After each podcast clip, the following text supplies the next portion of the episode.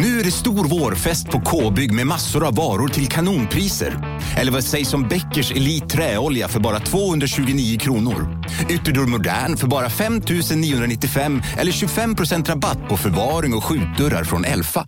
K-bygg. Bygghandeln med stort K.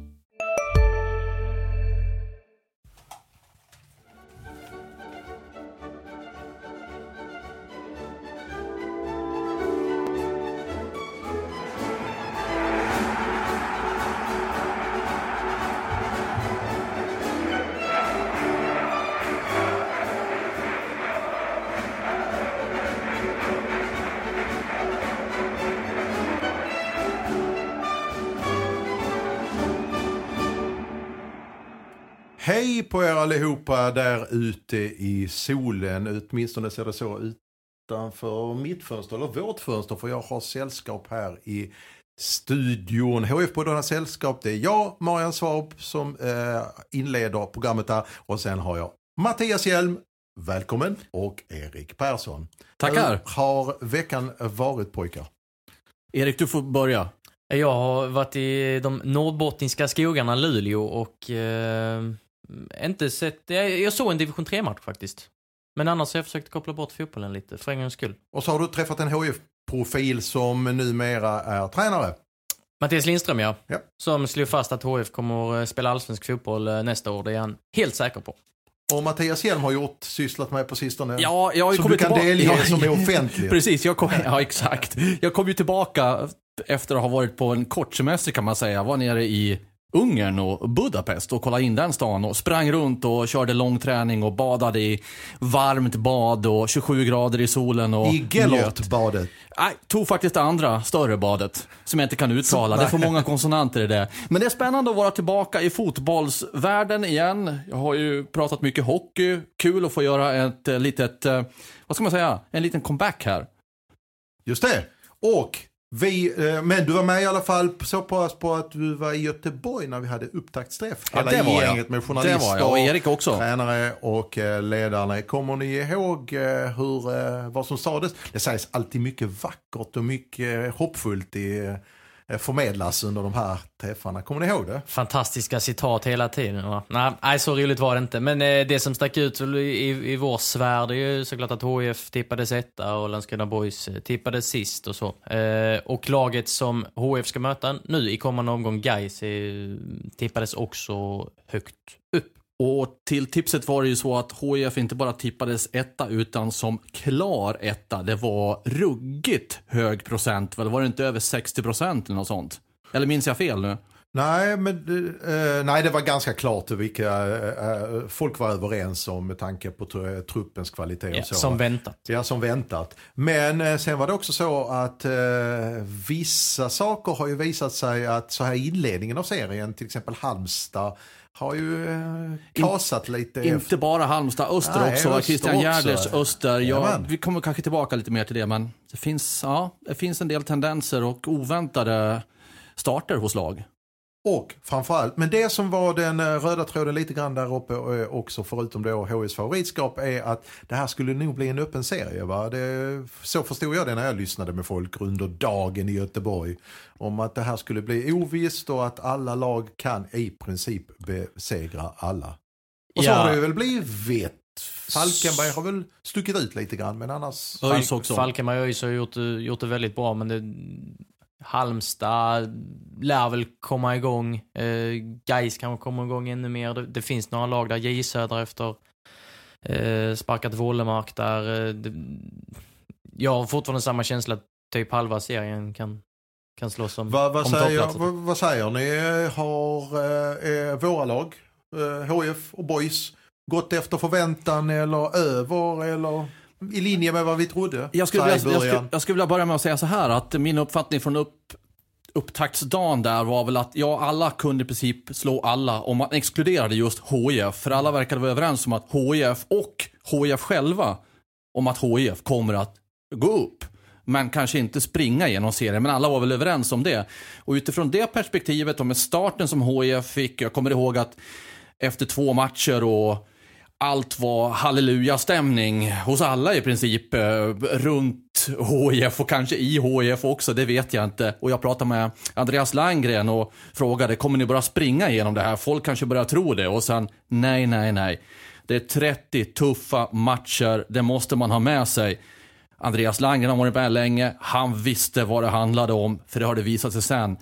Eh, sen har det inte gått lika bra för HIF. Vad gäller boys då, för att koppla an till din fråga Marian, så jag skulle nog vilja säga att de kanske har startat ungefär i paritet med vad jag trodde. Jag trodde inte på boys långt ner. Eh, som, som de flesta andra gjorde. Agim Sopp gjorde det definitivt inte. Han, han tippade dem som trea. Men, ja, men någonstans har de ju presterat vad man kunde vänta sig, kanske lite mer till, till och med. De hade väl häng på att ta en trea mot Örgryte. De förlorade i och för sig premiären mot, mot Falkenberg, men ledde också borta mot Degerfors. Så summa summarum, HIF nu efter fyra matcher under förväntan och Boys kanske lite över förväntan på sina fem matcher då, ur mitt perspektiv. Lång utläggning från mig där. Mm, Erik, vad säger du? Eh, Boys, min, min känsla är att det, de kommer inte åka ur den här serien. Det, jag tycker redan jag Vad baserar du det se på då? kvitton på det. Ja, de, de är för bra för, för det. Jag, tyck, jag tycker de uh, klär liksom superettan-kostymen uh, av, av vad jag har sett. Sen kanske det inte blir en topplacering som Agim Soppi hoppas på. Där är de väl inte riktigt, men, men att de ska kunna liksom säkra ett kontrakt och, och kanske till och med utan kval och så, det tror jag absolut är möjligt. HIF? Eh, HIF, eh, ja, eh, AFC-matchen eh, kändes ju som väldigt många matcher eh, kändes förra året. Eh, håglöst och det hände inte så mycket och, och, och där mötte de liksom för första gången upplevde jag ett lag som pressade dem och, och då fick de problem. På AG-matchen eh, har jag bara sett highlights tyvärr, eh, men vad jag förstått eh, så, så, så var det lite samma känsla där. Ja, den har jag ju sett ju och det Mattias var inne, jag tyckte du sa en intressant grej. Egentligen var det ju Langgren som sa det till dig. Ja, det var det. Det här består av 30 matcher.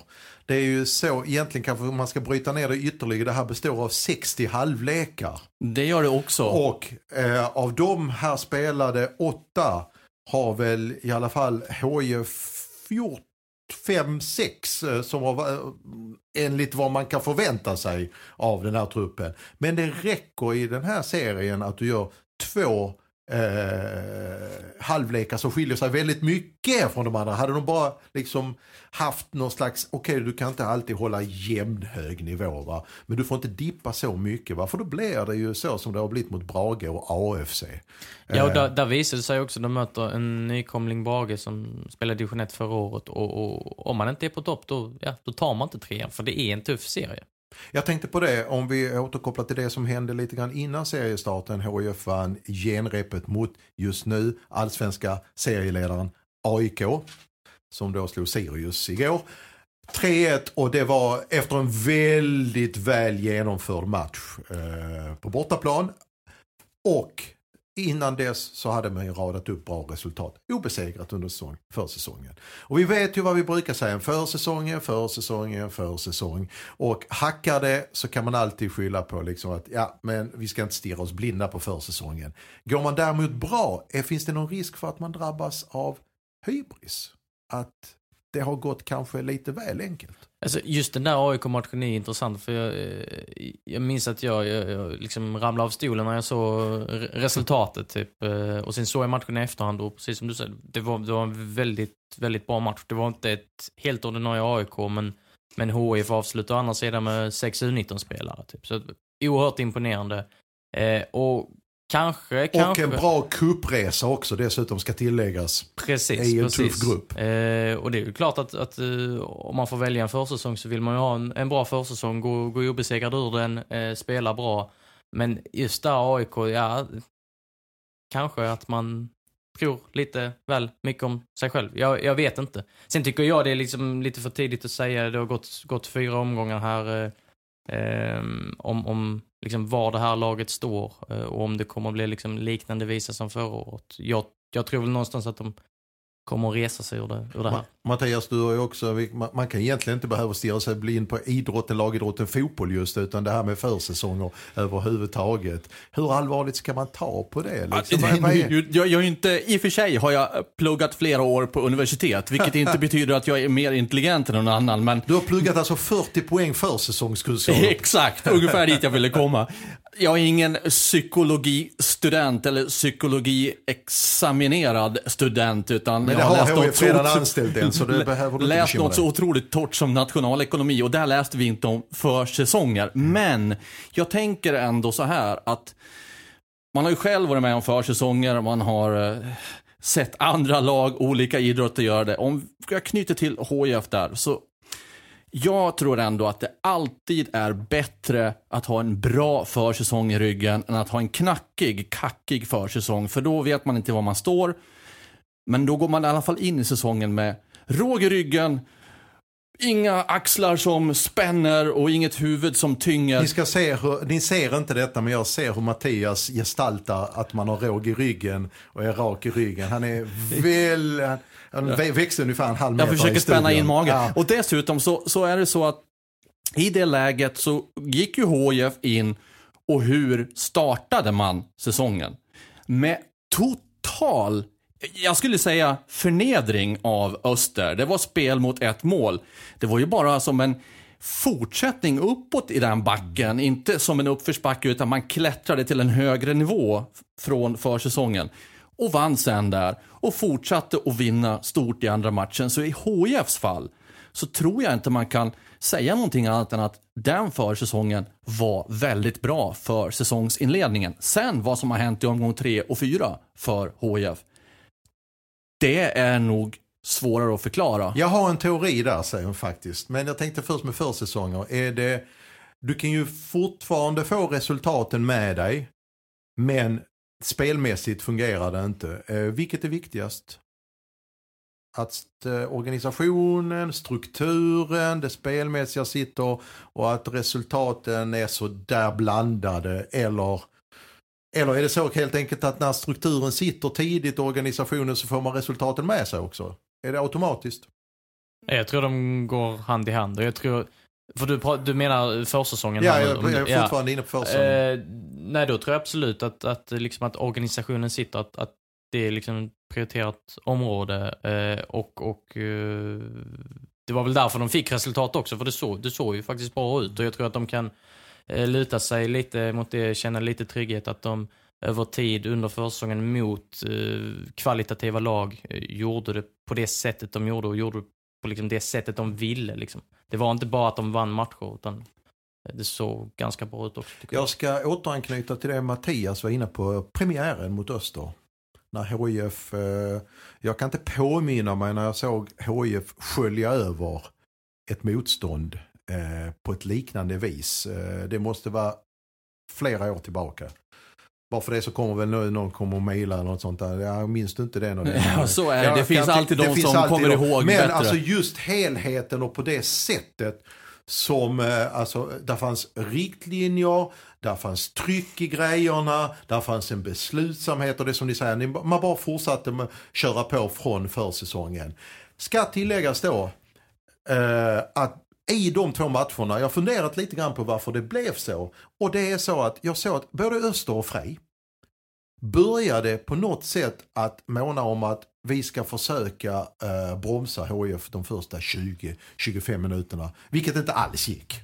Någonting måste de andra lagen då, till att börja med AFC och även Brage, och det syns klart tydligt att vi kan inte backa och sälla laget 20 meter in på egen halva och låta HIF spela fotboll.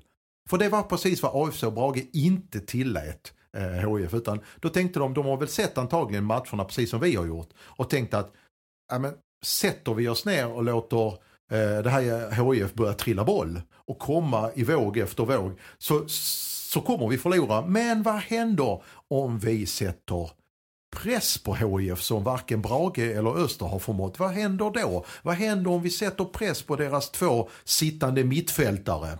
Som där jag tycker det har varit den klart tydligaste skillnaden att det centrala mittfältet i HIF har Eh, blivit lite tillbakatryckta ner mot mittbackarna. Vad händer om vi ser till att Bojanic får lite mindre boll? Inte kanske att låta honom få boll och vända upp sånt för då är han fortfarande riktigt farlig och bra. Men vad händer om vi skär av bollvägar? Vad händer om vi sätter ett pressspel att vi trycker till HIF lite grann? Vad händer om vi isolerar Bjarnason? Alltså det är såna, lite sådana små detaljer som jag har sett de andra lagen nu här har börjat testa. Man skulle kunna säga att du just nu intar de övriga lagens eh, eh, Perspektiv, ja. perspektiv ja. och ställer frågor till motståndaren. Jag vill inte säga det för jag är så trött på det Ja, uttrycket. där är vi helt, helt överens alltså. Jag kunde inte motstå det nu. Nej, jag vet. Men det är, det är klart att de andra lagen har uppträtt lite annorlunda och att över en säsong så kommer ju inte lag tillåta HIF eh, spela som de gjorde mot Öster. Utan man eh, måste, man, man börjar ju eh, säga, testa HIF lite grann. Va? Och det i lika stor utsträckning som att det handlar i fotboll handlar om att få ett eget fungerande spel så handlar det faktiskt rätt mycket om i lagidrott att försöka dölja sina brister. De lagen som döljer sina brister bäst är ju också de som i regel blir topplag. För det, fotboll går ju ut på det också, att dölja sina, för att alla lag har brister. Jag tycker, ja visst är det så. Och jag, sen kan man fråga sig vilka brister HIF egentligen har. För att man hade ju inte sett så mycket av dem fram till nu mot slutet då. Men det som blir intressant här och nu tycker jag, det kanske inte är så mycket den spelmässiga biten utan mer av vad som händer uppe i skallarna. Därför att ÖIS och Falkenberg. Falkenberg har ju, jag ska inte säga seglat ifrån, men fått några poängs marginal ner. Nu har HIF en match mindre spelare. Man kan ju inte per automatik räkna in en trea i en bortamatch mot Halmstad. Även om Halmstad har börjat rätt svagt. Nej, om man skulle göra det, då är HF ändå tre poäng bakom. Då. Ja, precis. Så att läget nu är ju med vetskapen om att okej, okay, vi har redan två lag som verkar springa på inte gå på några miner än och kanske inte gör det på ett tag. Vi får inte tappa för mycket poäng här nu tills de börjar tappa poäng. Alltså det här mentala spelet inne i varje, varje individuell spelares skalle. Vad händer nu? Det är det som jag tycker blir intressant i nästa match. Eh, ja, och det är ju några spelare som har varit med om de här förväntningarna ja, senast förra året och liksom har det såklart med sig i sin ryggsäck. Jag tycker det blir så klart och tydligt också, så här, till exempel nu, eftersom ni inte såg det och jag såg Brage-matchen här nu, så är det ju just det här med att det är så stor skillnad på de här två olika HIF-lagen i första halvlek. Där HIF mycket väl kan ligga under med både 2 och 3-0. Eh, och sen så blir det en total scenförändring i andra och där HIF egentligen ska vinna matchen eh, eh, efter sin andra halvlek. Där man pumpar på.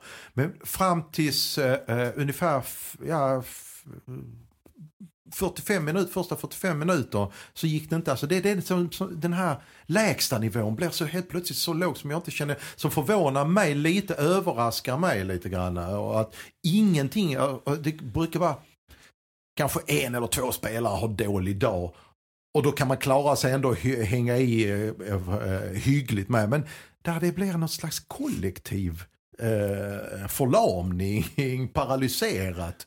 Men det kan ju också svänga snabbt nu redan i nästa omgång Absolut. att man är tillbaka på samma nivå där man var tidigare och att det här var mm. eh, två snubblingar och sen så, ja. Ja, vi ska ju komma ihåg, man har bara få, bara förlorat en match det här året för säsongen inräknad. Det som var lite kul är ju att den som satte fart lite grann på grejerna det var inte en av de här så kallade eh, tunga namnen, de värvningarna som HIF har gjort för att just ta det här steget upp med eh, Mohamed Abubakari, Liverstam och så småningom kommer landslagskapten och så va. Så det är ju välfyllt med namn i HIF. Men det var faktiskt en eh, kille som kom in här mot Brage, eh, Mattias Almeida, som satte fart på det här.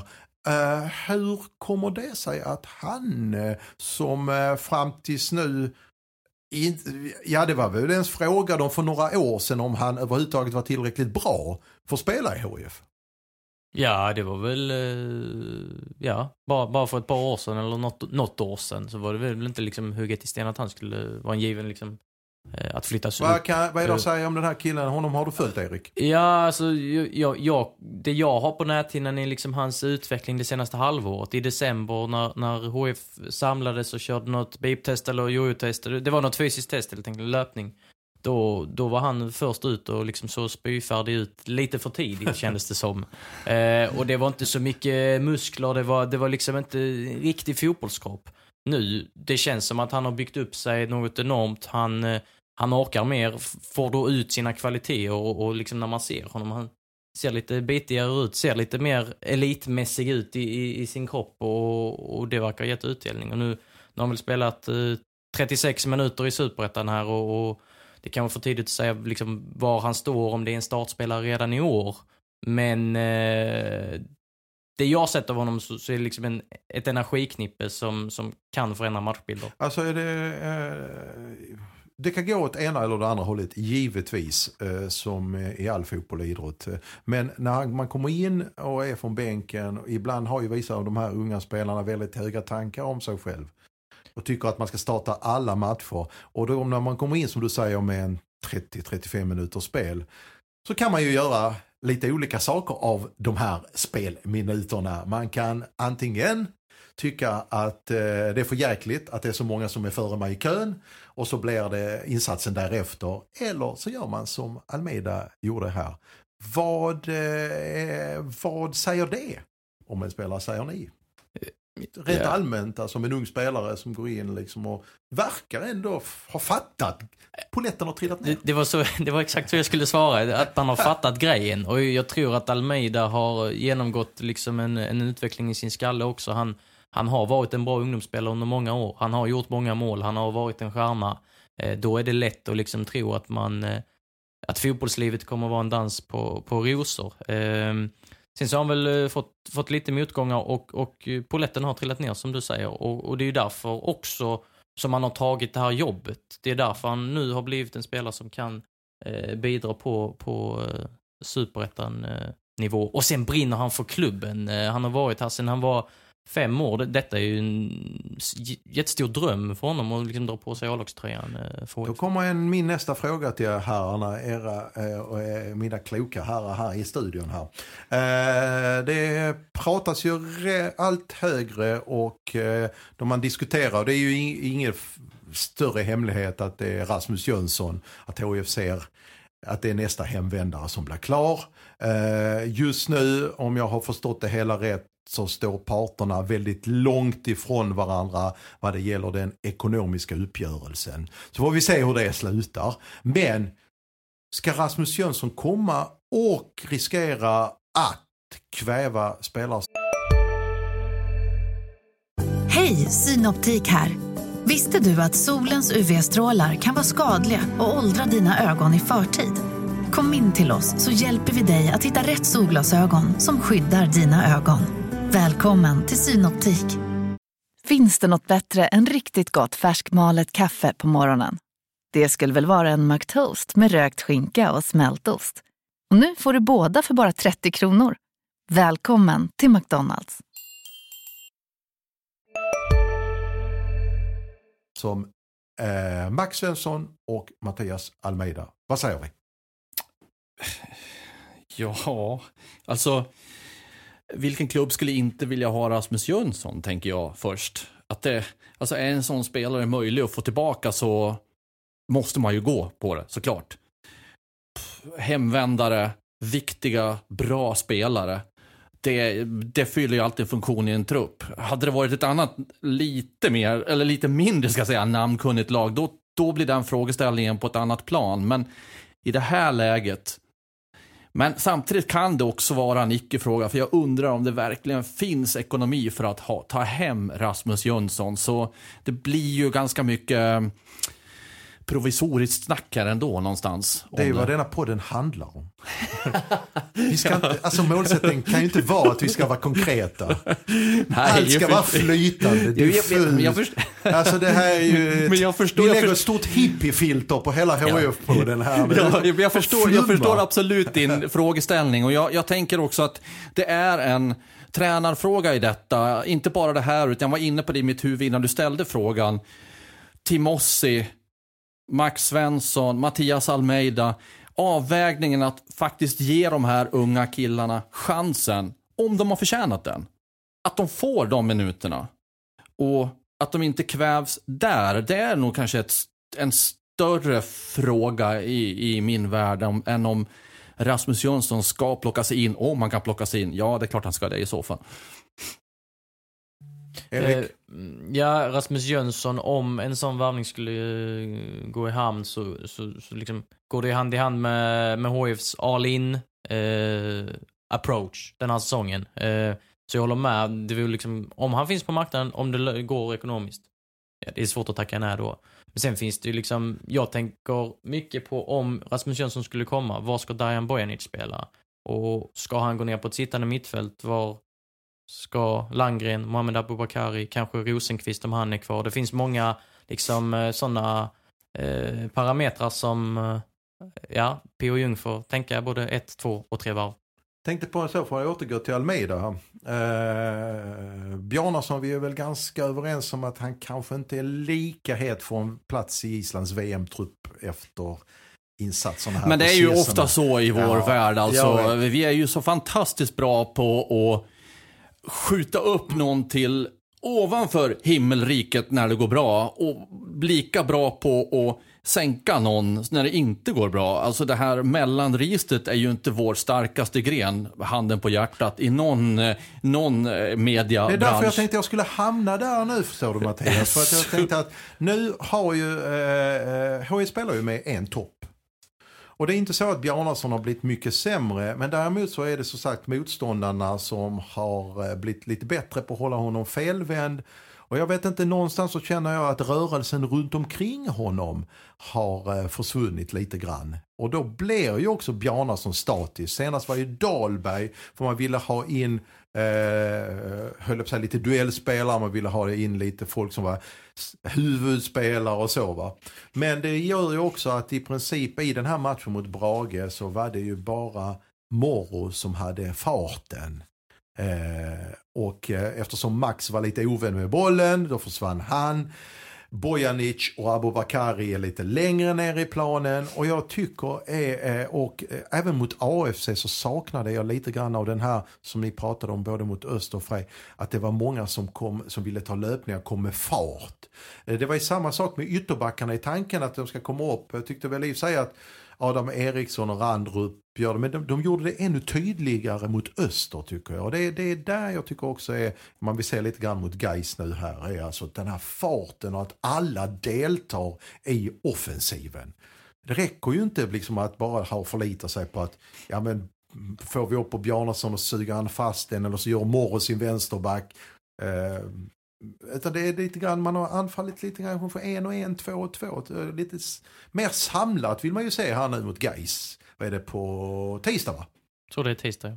Absolut, jag håller med. Sen tror jag mycket handlar om Darijan Bojanic. Eh, vi vet hur han kan eh, liksom, eh, brodera sig igenom motståndarlag med hjälp av, av liksom, skickliga spelare. Och, och Bojanic och Bjarnason är, är, är smarta. Jag tror de kan hitta varandra. Jag tror deras kemi liksom kan bli bättre. Men då, då gäller det att ha bollen mycket, ganska mycket och, och liksom på rätt plats. Så att, att Bojanic får, får röra sig lite och, och därifrån liksom att farten kommer. Då. Är Almeida ett alternativ till eh, Bjarnason för att få in en lite annorlunda typ på topp? Eller är jag helt ute och reser här? Jag tycker absolut inte du är helt ute och reser. Han, jag tror han eh, trivs bra i en eh, in mot 10 position.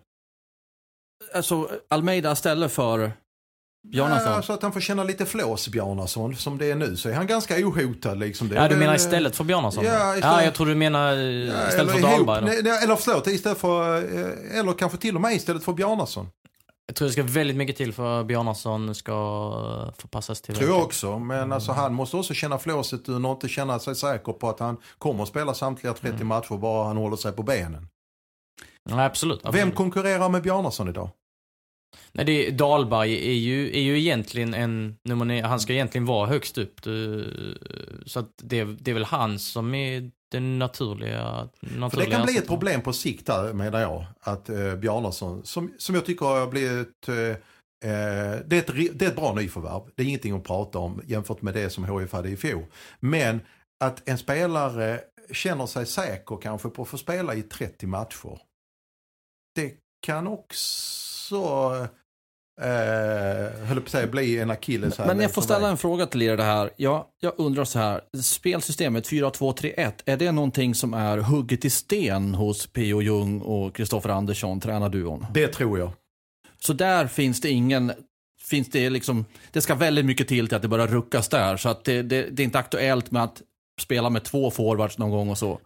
Eh, lite under försäsongen så ibland så har man väl tendenser på att det var lite så mot 4-4-2 hållet. Så det kan väl se ut lite på olika sätt men jag tror också liksom grunden kommer vara för i så fall är det den svår- släpande anfallaren, utgångspositionen, om man, den kan vara lite hö- beroende på vem som spelar där. Så är det ju kanske, är det Bojanic som spelar där bakom släpande eller är det en mer djupledslöpande kille? Ja men då blir det lite grann olika, då blir det kanske Ja. liksom, Man kan ju praktisera det på olika sätt Ja. och liksom beroende på vilka man möter och vilka spelare man har Alltså jag, kan, jag kan ha sett ett, ett problem i detta med Bjarnason som ensam på topp. För, för att, okej, det målet han gjorde, det andas så mycket klass och det är Vilket av dem? Ja, när han tar ner den på Ja, ett tillslag. Ja, Ja. precis. Och lägger in den. Alltså det är så... Alltså tre, ja. ja, jag vet. kan inte Ja. exakt vilket det var i ordningen, men det var ju världsklass på det va. Men det jag har sett allra mest av Bjarnason, det är ju hans arbetskapacitet. Han kan ju jobba, jobba, gnugga, gnugga hur länge som helst och hur mycket som helst. Men det kan komma ut ganska lite av det som man ser i form av skott på mål eller anfallschans eller chanser eller och sådär. Men han gör jättebra jobb. Så det blir ju så viktigt att det synkar med spelare runt omkring Runt honom omkring, för William, ja. att det ska ge frukt. Och det är klart att när det gör det, då lönar ju sig det arbetet jättemycket. Så problemet kanske ligger på andra positioner än han själv. Men där någonstans kan jag uppleva ibland att det inte har funkat. Ja men det är lite grann det gamla som ni var inne på innan. Helt alltså det här fjolårets problem har ju blivit lite tydliga i ögonblick. Inte, eh, alltså, där kunde det gå långa perioder under hösten eh, där det blev så enkelt att läsa av HIF och det fanns ingen plan B. Det var ju bara till att stänga ner Surprise på vänsterkanten och sen hade man i princip tagit bort HIFs offensiv. Lite Vissa delar av det kunde jag se mot Brage i första halvlek och definitivt mot AFC. Det är till exempel när man då, eh, när inte Max kanske eh, håller den här höga nivån som han gjorde mot Öster och mot Frej och Dippa. Vilket är helt naturligt, även om jag tycker att han kommer upp i den åldern där han måste hålla, hålla och det är hans andra säsong, måste hålla lite jämnare nivå. Men säg att han faller bort. Ja men då är det bara morgon då, kommer det, då är det sådär endimensionellt att det går över, allt eh, anfallsspel går över på en sida. Och det är också någonting som är ganska eh, lättavläst i så fall. Så att jag, eh, jag ser fram emot om detta fortsätter med liksom ett par matcher till att eh, de här kantspelarna, att de här, framförallt kanterna och kanske att Bjarna som blir isolerad, finns det någon plan B? Och vi kan ju faktiskt lägga till här nu att det är ju bra om resultaten inte fortsätter att vara halvdana för i dagarna drar väl Timossi iväg till EM. U17, ja, U17-EM. Så att det försvinner ju en spelare Ja, och det är klart att ett sånt, en- ett sånt namn, Det försvinner spelare och det försvinner fart. det gör det. Nu har ju inte han fått spela så mycket då, men det, alltså det är ju ingen, ingen jättebred trupp och det ska göras bra träningar och det är, det är ett kort man kan kasta in eller kanske starta med för att få en förändring. Dessutom på olika positioner. Ja, så Han Det är gjorde ett väldigt bra, han var ju nära att avgöra det här och så han tog en 80 meters löpning där han låg efter massvis med Brage-spelare där han i princip körde om dem från eget straffområde, kom fri, försökte nå eh, Almeida tror jag det var faktiskt eh, och där hade man, HIF kunnat avgöra matchen. Eh, men man ser att han har klipp i spelet, tycker jag har varit på träningarna, många som undrar hur är det med Tomas? Är det något som har hänt mellan tränare? och sånt? Nej, det, av det jag ser honom på träningarna så försöker han, han håller axlarna höga, han hänger inte. Eh, och, och förmodligen eh, blir det en injektion också för honom att komma till landslaget nu här eh, Ja, och, och han har ju varit iväg. roll. Ja, och han har ju varit iväg på landslagssamlingar eh, liksom tidigare under året också, vilket har liksom hackat upp lite liksom hans HF-vardag. Och sen, vi får inte glömma, han är född 01 liksom. Det är klart att det får gå lite upp och ner eh, från vecka Men vad sa du Erik, när samlas landslaget här? Jag tror de har eh, samlats. Då är det Om så att... eh, ja, det, det, ja, det är den, eh, vad är det för dag idag? Den Jag tror de samlades inte i typ- måndag, typ två dagar efter Brage. Eller en Stämmer. dag efter Brage. Han måste sånt. redan ha gett sig iväg. Men då missar han ju eh, ett par godbitar han närmast nu. Nu vet jag inte hur många matcher han missar, beror ju på hur, Sverige, hur det går för Sverige Mm. givetvis. Men vi kan i alla fall enligt spelprogrammet konstatera att HIF närmast har Gais hemma, Landskrona Boys borta i det eh, förmodligen jätteupphaussade derbyt och sen kommer årets kanske största överraskning tillsammans med Falkenberg till Olympia Örgryte. Och sen Eh. Norrby borta där det inte gick så Ja. bra förra året. Men eh, den här trippen till att börja med Ja, Där hade Erik väntat på att få lägga till det i en bisats. Men Nej, den men här, de här tre matcherna trippen innan ser jag fram emot väldigt mycket. Och för mig är det en liten första signal. Jag ska inte säga att det är en vattendelare efter fyra matcher, efter sju matcher ens. Det har inte spelats en tiondel efter de här matcherna. Men det är en liten indikation på vad HIF vill lite grann med sin säsong. Kommer man ut med en god poängskörd efter de här tre matcherna, ja men då är det som det ska. Blir det lite mindre poäng här nu, det hackar. Vad är det, då är jag inne på din Mattias teori, den här psykologin att då eh, kan det bli lite stressat att man måste känna att man Åh jävlar, höll på att säga, nu svor jag ju på det, men det gör inget. Ja, det nu, måste vi börja, nu måste vi börja jaga treor. Och det är en kul känsla. Nej, och som inflyttad i Helsingborg har man ju förstått det tryck som det är, vad säger man, omgärdat med, omhuldat med att vara i HIFs organisation och inte minst spelare. Här är ju kraven jättehöga. Det vet man ju med sig också, att man spelar ju inte bara för sig själv och sitt lag och sin organisation. Man spelar för så mycket människor i den här stan. Och då förpliktigar det. Det förborgar. Man, man måste få ut det och det, det här, de här måstena, måstena, måstena. Plus, och plus att man själva då, vilket jag gillar, det ska sägas, har gått ut så stenhårt att vi ska upp, allting vi gör, vi ska upp.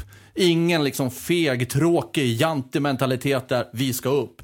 Men det gör ju också att det blir ytterligare ett, en press i Ja, och huvudet. det, och det stundande tv-avtalet ska vi inte glömma. Som det är liksom ett oerhört viktigt skede att vara en allsvensk klubb om man ska liksom överleva på den nivån. Och det tror jag kanske inte att spelarna springer och tänker på, men för klubben, oh ja. Ja, för de tänker på det.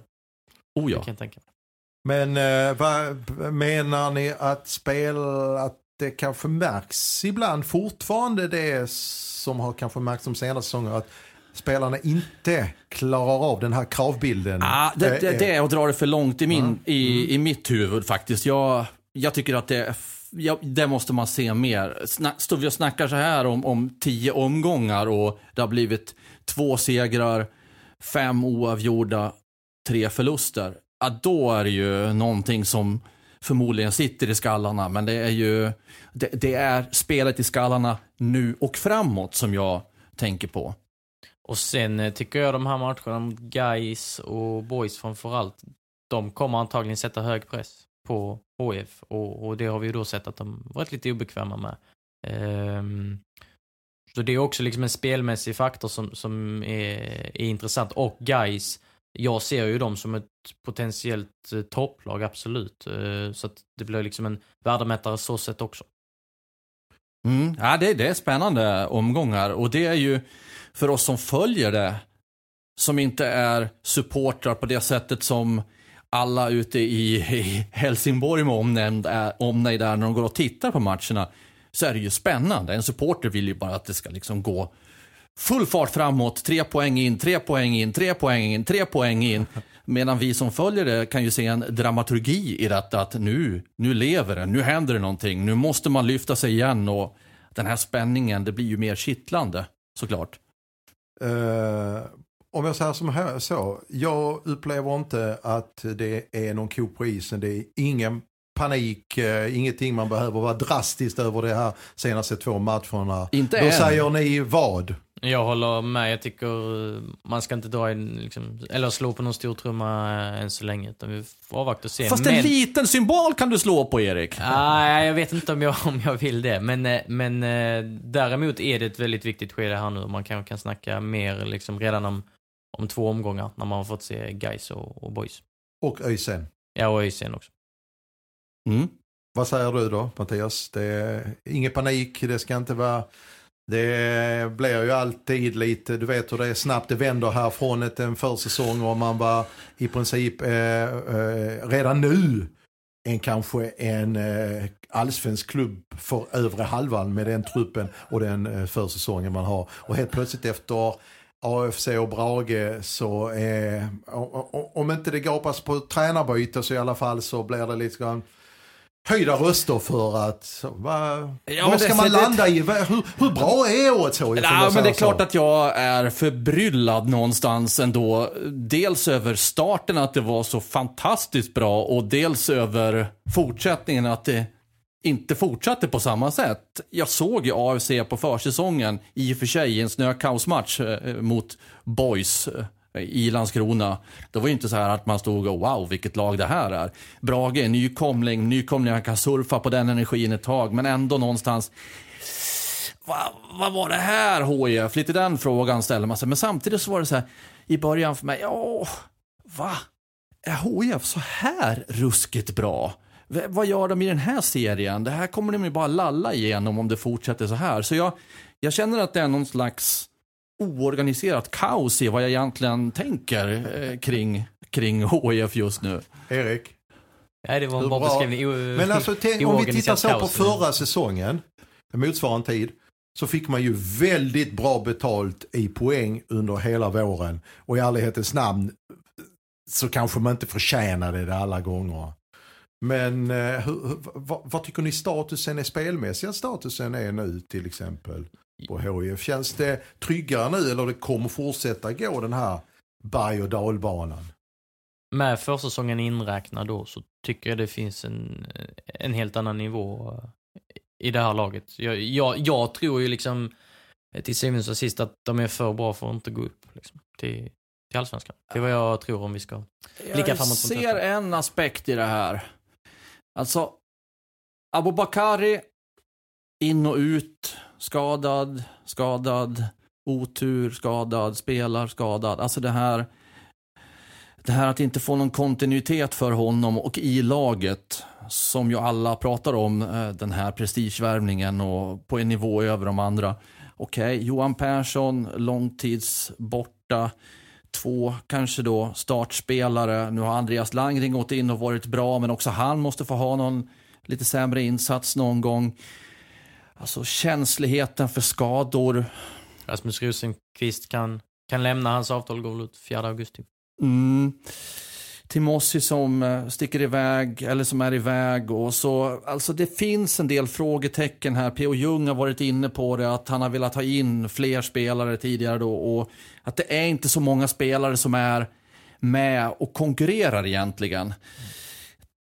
Ja, ja det finns ändå, finns ändå vissa Absolut. frågetecken. Du, jo, absolut. Du, Om vi ska runda av det här så ställer jag en fråga. Hur vill ni att HIF tar sig an de här tre matcherna som ändå är en liten fingervisning om eh, för, eh, säga, fram till sommaren vad HIF eh, vill åstadkomma. Kan åstadkomma. Ja, vad vill då- ni se av de här tre matcherna som kommer nu här i ett svep? Det jag är intresserad av att se hur de hanterar det är pressspelet som jag förväntar mig från, från guys, eh, eh, från boys. Som jag kanske inte förväntar mig från ÖIS. Men i, i de här två nästkommande matcherna, hur de hanterar det. För det har liksom, ja men eh, varningsklockorna ringde lite där mot AFC när de började sätta, sätta press och, och inte tillät HIF eh, rulla runt eh, i tålmodig, tålmodig stil liksom. Det är väl det, det som jag är liksom mest intresserad av. Se hur de löser. Jag är intresserad att se först då mot guys att man bara går in, visar vart skåpet ska stå för att ta en klyscha, tar tre poäng, går in i matchen eh, mot Landskrona i derby med självförtroende. Alltså att komma till boys i derby om man inte har vunnit mot guys. Det är ingen bra uppladdning. Och det känns ju som en kupp, alltså verkligen en kuppmatch ur ett boysperspektiv också. Och det har vi ju sett, där har de ju slagit ut Malmö FF, nästan slagit ut Elfsborg. Det, det är ju liksom en jättestor match för dem också. Men eftersom vi nu är inne på klyschan, vi lär ju få återkomma till det där derbyt och eh, snacka upp det. Så tänkte jag att eh, vi tar den här gamla klyschan, vi tar en match i taget va. Så att vi tar Gaisa närmast nu och eh, sen så tar vi det därifrån. Va? Och då kontrar jag på det och säger att det går inte att ta två matcher i taget. Ska vi nöja oss där då? Det Tycker jag. roligt. Det var roligt. Ja men det, vi säger så. Tack så mycket. Tack för att ni vill lyssna.